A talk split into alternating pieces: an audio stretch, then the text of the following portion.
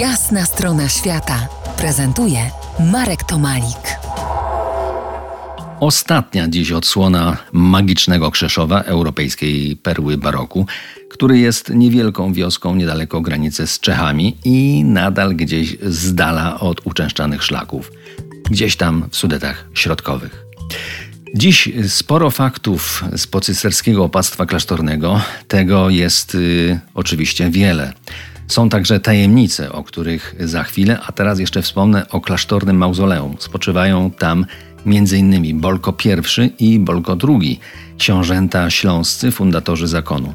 Stojący obok kościół świętego Wojciecha to z kolei prawdziwa galeria fresków. Jest tam cykl z życia świętej rodziny pędzla Michała Wilmana, najwybitniejszego śląskiego malarza baroku, zwanego śląskim Rembrandtem. Za murami klasztoru jest restauracja i hotel Wilmanowa Pokusa.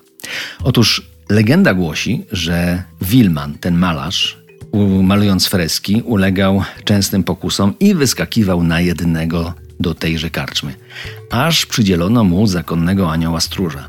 Wilman miał i z tym sobie poradzić, malując na ścianie atrapę, czyli swoje nogi zwisające swobodnie z wysokiego rusztowania, maskujące artystę przy pracy.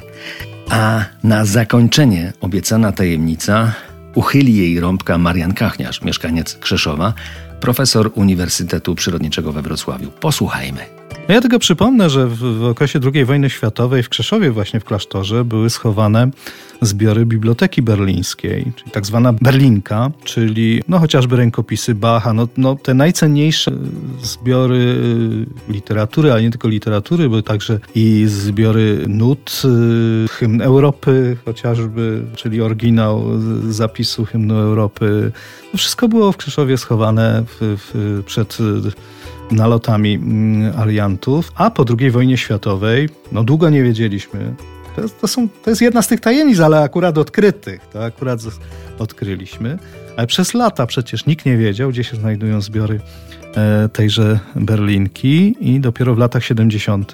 no, my żeśmy się przyznali, że są w Bibliotece Jagiellońskiej które dotyczą tych właśnie terenów. Sudety były traktowane jako teren bezpieczny y, strategicznie, ze względu na to, że znajdował się, znaczy uznano, że znajduje się już poza zasięgiem nalotów y, alianckich z jednej strony, no i wierzono, że nigdy nie dojdzie tam front też y, wschodni. Przenoszono całe fabryki zbrojeniowe, te strategiczne właśnie na te obszary, a z drugiej strony też i wielkie dzieła sztuki, które nie tylko z Berlina czy z Wrocławia, no, gdzieś były przemieszczone, których do dzisiaj nie znajdziemy, nie wiemy gdzie one, gdzie one są, w żadnych y, ani kolekcjach prywatnych, ani w muzeach nie wypłynęły, więc y, no, teza jest jedna, są gdzieś w Sudetach. I do tych Sudetów nieznanych, mniej znanych, obiecuję za jakiś czas po jasnej stronie świata wrócimy. Z profesorem Marianem Kachniarzem z Uniwersytetu Przyrodniczego we Wrocławiu rozmawiałem kilka tygodni temu. Teraz Marian przebywa w szpitalu i pewnie nas słucha. Trzymajmy kciuki za jego szybki powrót do zdrowia. A ja mam nadzieję, że usłyszymy się za już niecały tydzień. To była jasna strona świata w RMF Classic.